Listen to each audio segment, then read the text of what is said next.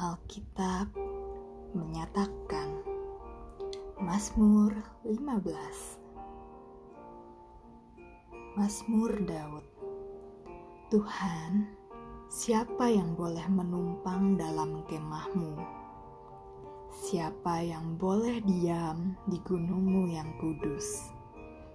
Yaitu dia yang berlaku tidak bercela yang melakukan apa yang adil dan yang mengatakan kebenaran dengan segenap hatinya, yang tidak menyebarkan fitnah dengan lidahnya, yang tidak berbuat jahat terhadap temannya, dan yang tidak menimpakan celah kepada tetangganya, yang memandang hina orang yang tersingkir, tetapi memuliakan orang yang takut akan Tuhan, yang berpegang pada sumpah walaupun rugi, yang tidak meminjamkan uangnya dengan makan riba dan tidak menerima suap melawan orang yang tak bersalah.